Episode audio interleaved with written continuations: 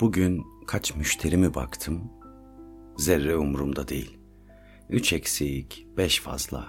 Ne fark eder ki? Sonuç değişmedi yine. Yoruldum işte.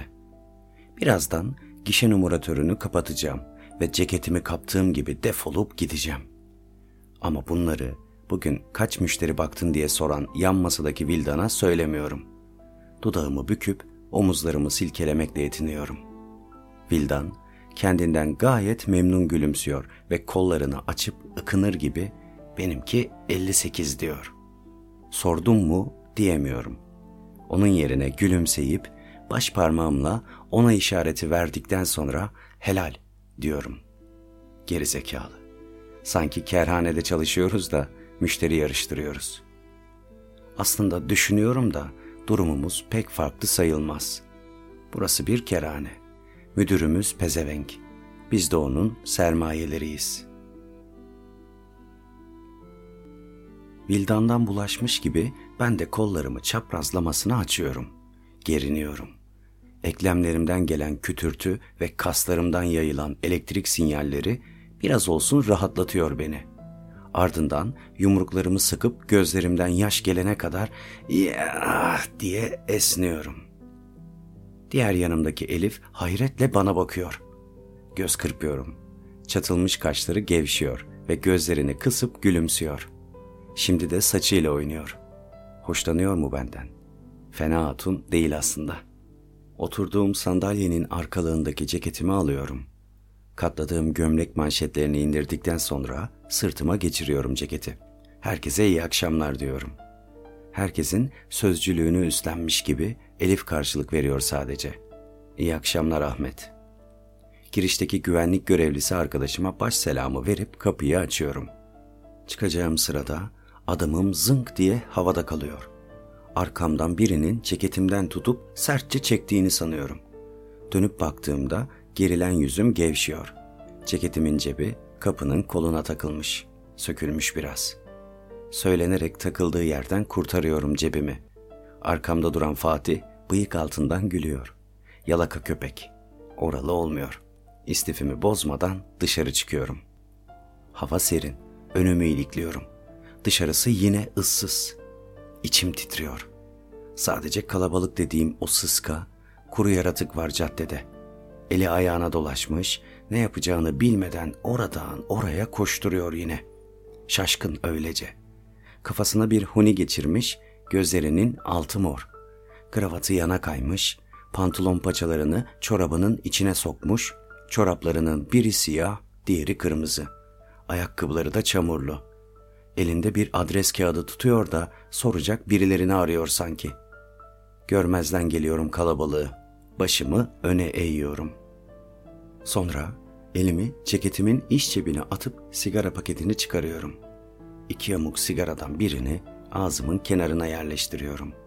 Sigarayı yaktıktan sonra dönüp çıktığım binaya bakıyorum. Çok karsız bir alışveriş. İşimden bahsediyorum. Sonuçta zamanımın çoğunu bu boktan işe yatırıyorum. Ama elime geçen ne? Sonunda zarar etsem de mecburen katlanıyorum. Mecburen. İşe gitmek mecburen. Erken kalkmak mecburen. Mecburen, mecburen, mecburiyetten. Doğmamız da mecburen, ölmemiz de. Keşke doğmaya ya da ölmeye mecbur olmasaydık. Karar ver evladım, doğacak mısın, doğmayacak mısın? Vallahi bilmem ki. Şöyle bir çıkıp baksam da kararımı öyle versem olmaz mı? Olmaz evladım, oyun mu bu? Değil mi? Bu yol tek yöndür. Çıkış yaparsan dönemezsin. Bir arkadaşa bakıp dönseydin bari. Hadi ulan doğuyorsan doğ. Gülümsüyorum. Yaktığım sigaradan iş çeker gibi bir nefes aldıktan sonra beni nereye götüreceklerini iyi bilen adımlarımı takip ediyorum.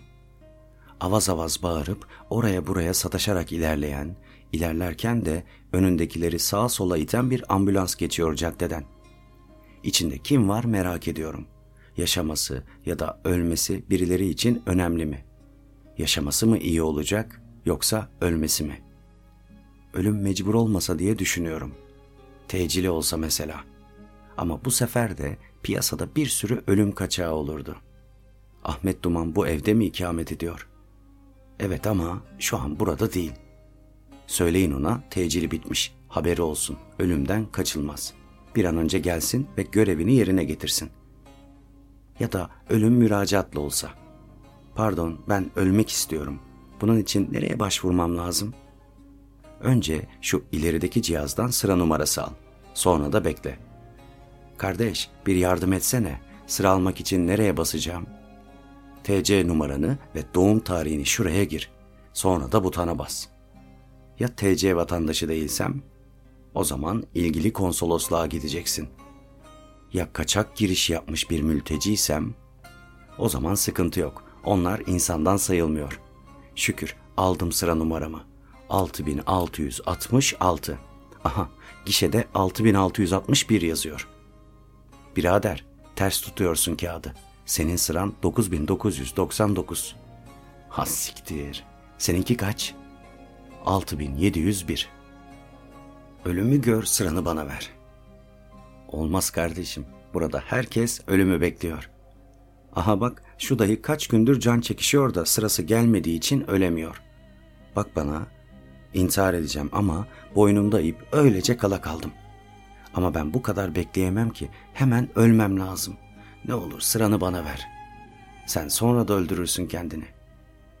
Git kardeşim, üzerime mi öleceksin yahu? Neyse vazgeçtim. Ölüm mecbur kalsın. İyi ki ölüm var. Duyduğum şarkı düşüncelerimden ürkmeme neden oluyor. Caddedeki müzik evinin siyah tozlu hoparlörü ağızlarından tükürük saçarak bağırıyor. Yalan, başkası yalan. Dünyada ölümden başkası yalan. İşte bu koca bir yalan. Çekilen acılar öyle gerçek ki. Tütünün acı tadı midemi bulandırıyor. Parmaklarımın arasındaki buruşuk sigarama bakıyorum. Atmayı düşünüyorum ancak kıyamıyorum. Daha yarım bile olmamış. Karşı caddede camekanlı tezgahının başında duran seyyar satıcının sesi kulağımı tırmalıyor. Akşam simidi, gevrek. O zaman fark ediyorum köşe başında sabırsızlıkla bekleyen gündüzü. Yorgun gözüküyor. Nöbeti devralmaya gelen akşamı görünce rahatlıyor. Güneşin omzuna kolunu atıp yavaş yavaş evine doğru ilerliyor. Dinlenmeli. Aksi takdirde uyuyakalıyor. Otobüs durağının önünden geçerken sokak lambaları yanmaya başlıyor. Beni süzen gölgelerin varlığını hissedebiliyorum. Burnumu doldurup da midemin kazınmasına neden olan taze ekmek kokusunu aldığımda fırına yaklaştığımı anlıyorum. Beni yolumdan çıkaran kokuyu takip edip fırının önündeki küçük kuyruğa giriyorum. Elimdeki izmariti yere atıp ayağımla eziyorum. Önümdeki adamın kırışmış kirli ensesine ve yaşlı kulaklarına bakıyorum. O da sanırsam önündeki kadının götüne bakıyor.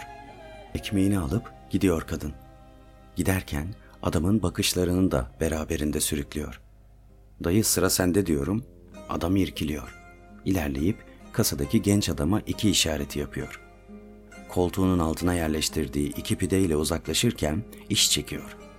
Kasadaki genç adam karısını yeni kaybetti deyip üzgünce başını sallıyor. Adamın yerinde olmak geçiyor içimden. Ya Allah rahmet eylesin diyorum. İki pide. Amin abi diyor çocuk. Yalnızlık zor iş. Belki de değildir. Fırın çalışanları içimden geçenleri duymuş olabilirler gibi geliyor bana. Çünkü öfkeli görünüyorlar. Birisi hınçla önündeki hamuru tırnaklıyor. Diğeri ise sinirli el hareketleriyle küreyi itip çekerken bir yandan da eline aldığı pideleri kasadaki adama doğru fırlatıyor. Poşetin ağzını bağlama abi diyor genç adam. Kağıda sarıp şeffaf poşete koyduğu iki pideyi bana uzatırken sıcak, hamur olur sonra diyor. Poşeti alıp hızla uzaklaşıyorum oradan. Pidelerin birinden büyükçe bir parça koparıyorum. Ağzıma yaklaştırdığımda içinden tüten dumanlar nefis bir kokuyla burnuma doluyor. Pidenin üzerindeki kepekler elime ve ağzıma bulaşıyor. Sıcak ekmeği ağzımın içinde yarım yarım çevirip yiyorum.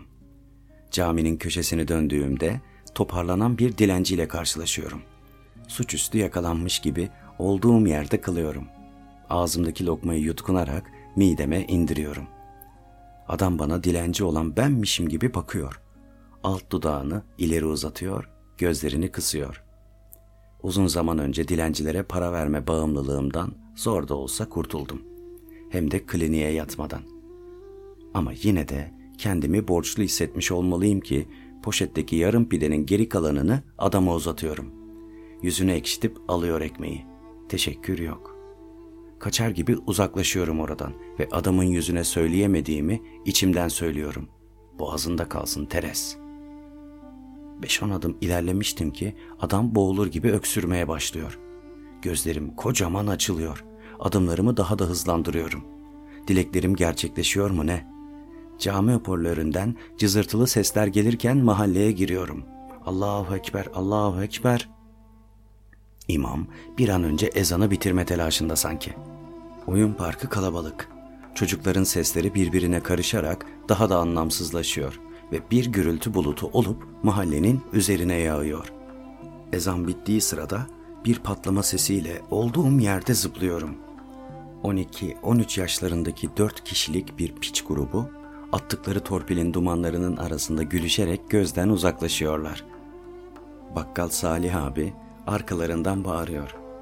Siktir olun gidin lan eşek ol eşekler. Sizi bir daha burada görürsem Allah yarattı demem. Kim yarattı der ve ne yapar merak ediyorum. Sonra bakkala ilerliyorum. Çıngıraklı kapıyı itip içeri giriyorum. Salih abi biraz önceki olayı çoktan unutmuş gibi. Üst katımızda oturan Kamil'e bakıyor. Annen seni sünnet ettirdi mi Kamil deyip gülüyor. Yüzü kızaran Kamil bir şey demeden yere bakıyor. Ne yapacaksın abi adamın şeyini diye sorasım geliyor. Kamil elindekilerin parasını ödeyip çıkıyor marketten. Salih abi adam çıktıktan sonra keyifle devam ediyor. Eşek kadar adam olmuş daha anasının sözünden çıkmıyor. Anası sıçma dese on gün içinde tutar. Benim gülmediğimi gören Salih abi bozuluyor. Ne istediydin Ahmet diye soruyor. Bir derbi ver abi diye cevap veriyorum. Ne yapacaksın derbi diyor. Götüme sokacağım abi diyesim geliyor ama onun yerine tıraş olacağım diyorum. Sağ omzunun arkasındaki küçük çengelde asılı duran tıraş bıçağı şeridinden bir derbi çıkarıp uzatırken ne tıraşı diye soruyor. Ne denir buna? Etek tıraşı diye cevap veriyorum. Salih abi öylece kalıyor oturduğu koltukta. Derbinin parasını ödeyip çıkıyorum marketten. Şu Kamil hakikaten garip adam.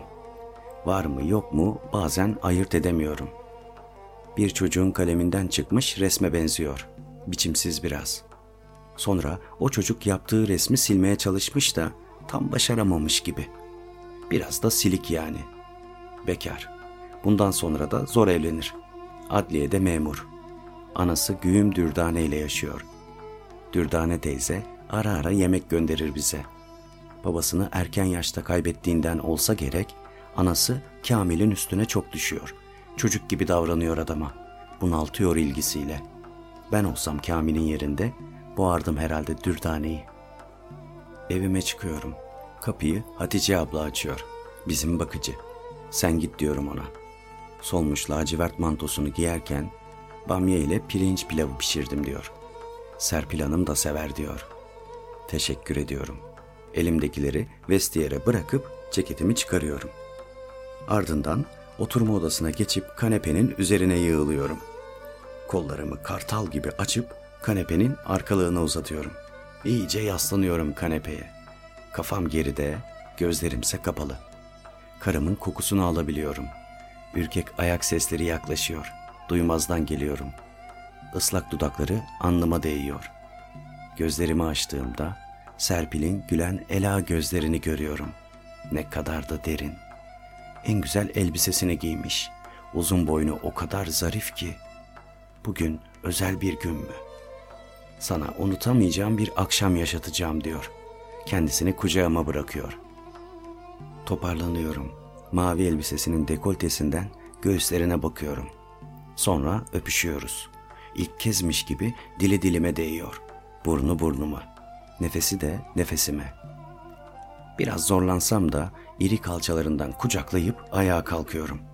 Yatak odasına gideceğim sırada cızırtılı bir ses çarpıyor kulağıma. Ahmet geldin mi? Yüzüm asılıyor. Küçük odaya doğru ilerliyorum. Kucağımda duran iki yıl önceki Serpil'i diri diri gömüldüğü mezarına usulca bırakıyorum. Nasılsın diye soruyorum, laf olsun diye. Tek hareket ettirebildiği uzvu olan incecik boynunu hafiften çeviriyor. Dayanamıyorum Ahmet. Bitsin istiyorum artık diyor. Bir insan yaşarken nasıl bu hale gelebilir? O müthiş zerafet nasıl olur da böylesine çirkin bir kütleye dönüşür? Anlamıyorum, anlayamıyorum. O parlak esmer deri, pembe uçlu su damlası gibi memeler, krateri andıran ayva göbek, avcumu dolduran yuvarlacık kıvrımlı kalçalar nereye gitti? Bu ölü bakışlar, soluk mumyalaşmış yüz, eriyip pörsümüş beden aynı kişiye ait olabilir mi? Yatağın başındaki ahşap sandalyeye oturuyorum. Sandalye dişlerini gıcırdatıp küfrediyor sanki. Dirseklerimi dizlerime dayayıp ellerimi kenetliyorum ve ardından başımı öne eğiyorum. Biraz temiz çarşaf, biraz idrar, biraz da çürümüş et kokusu alıyorum. Sağ kalçasındaki yatak yarası gün geçtikçe derinleşiyor. Yumruğum girer belki. Bezde alerji yapmaya başladı. Farklı bir marka denemek gerekiyor. Her şey için çok üzgünüm diyor. Bakamıyorum yüzüne. Sanırım ağlıyor. Kahretsin. Ağzım açılmıyor. Senin ne suçun var ki diyemiyorum. Arabada ben de olsam ki o zaman ben kullanırdım. Belki o zaman suçluluk da duyardım. Belki de benim için o güne dair güzel olan tek şey bu. Arabayı kullanan babası, ön koltuktaki annesiyle birlikte öldü. Serpil ise felç kaldı. Gözlerim doluyor. Boğazımdaki yumruyu yutmaya çalışıyorum. İlk başlarda insan iyimser oluyor. En azından ölmedi, yaşıyor. Allah'tan ümit kesilmez, belki sağlığına kavuşur diyor. Ama çok geçmeden ümit kesiliyor. Bu halde olmak onun suçuymuş gibi yargılamalar başlıyor. Bakım zorlaştıkça sabırlar tükeniyor ve sonunda keşke o gün ölseydi deniyor. Ahmet, bana yardım et, kurtar beni diyor gene. Bu yardımın ne olduğunu hiç sormadım. Ama her ikimiz de ne olduğunu gayet iyi biliyoruz. Sızlayan burnumu çekiştiriyorum. Kafamı kaldırıp Serpil'in fersiz gözlerine bakıyorum. Bir ümit ışığı yakalıyorum orada. Bir pırıltı. Bu pırıltı bana bir yeşil ışık oluyor. Kararlı bir şekilde ayağa kalkıyorum. Eğilip Serpil'in alnından öpüyorum ve kafasının altındaki yastığı çekiyorum. Haftalar sonra ilk defa gülümsüyor. Yastığı iki ucundan sıkıca kavruyorum. Pençelerimi geçiriyorum suç ortağıma. Çabuk olmalı diyorum kendi kendime ve yastığı Serpil'in yüzüne bastırıyorum tüm kuvvetimle. Geri dönemem artık. Önce yastıkta küçük bir direnç hissediyorum ama bir anlığına. Ne kadar süreceğini bilemiyorum. Çünkü Serpil çırpınamıyor. Bastırıyorum, bastırıyorum. Bir süre sonra dizimi de dayıyorum yatağa. Kollarım titremeye başlıyor. Alnımdaki ter zerrecikleri yüzümü gıdıklayarak aşağıya sıyrılıyor. Birkaç defa tamam galiba derken işi garantiye almak adına biraz daha bekliyorum. Ve sonunda gevşetiyorum yastığı. Yavaşça çekiyorum Serpil'in yüzünden. Hem gözleri hem de ağzı açık. Göz yuvalarının dış kesimleri hafif ıslanmış. Başını usulca kaldırıp yastığı tekrar yerleştiriyorum eski yerine. Filmlerdeki gibi tek elimle gözlerini kapatıyorum. Kurtardım seni diyorum ama kurtulanın kim olduğunu tam anlayamıyorum. Herhalde ikimiz de kurtulduk diye düşünüyorum. Bir işi başarıyla bitirmenin rahatlığı çöküyor üstüme. Mutfağa geçiyorum. Hala ılık olan yemekleri ısıtmadan bir kaseye bamya, bir tabağa da pilav koyup mutfak masasına oturuyorum. Bamyadan bir kaşık alıyorum. Lokma boğazımdan geçmiyor. Çenem titremeye başlıyor. Elimdeki kaşık kaseye düşerken gözlerimin nasıl da böyle hızla dolup taştığını merak ediyorum. Sarsıla sarsıla ağlarken yutamadığım lokma ağzımın kenarından kirli sakalıma süzülüyor. Bamyayı çok severdin diye höykürüyorum burnum akarken. ve ömrümün geri kalanında onu boğmadan önce bamya yedirmediğim için pişmanlık duyacağımı biliyorum. Bir daha asla bamya yiyemeyeceğimi de.''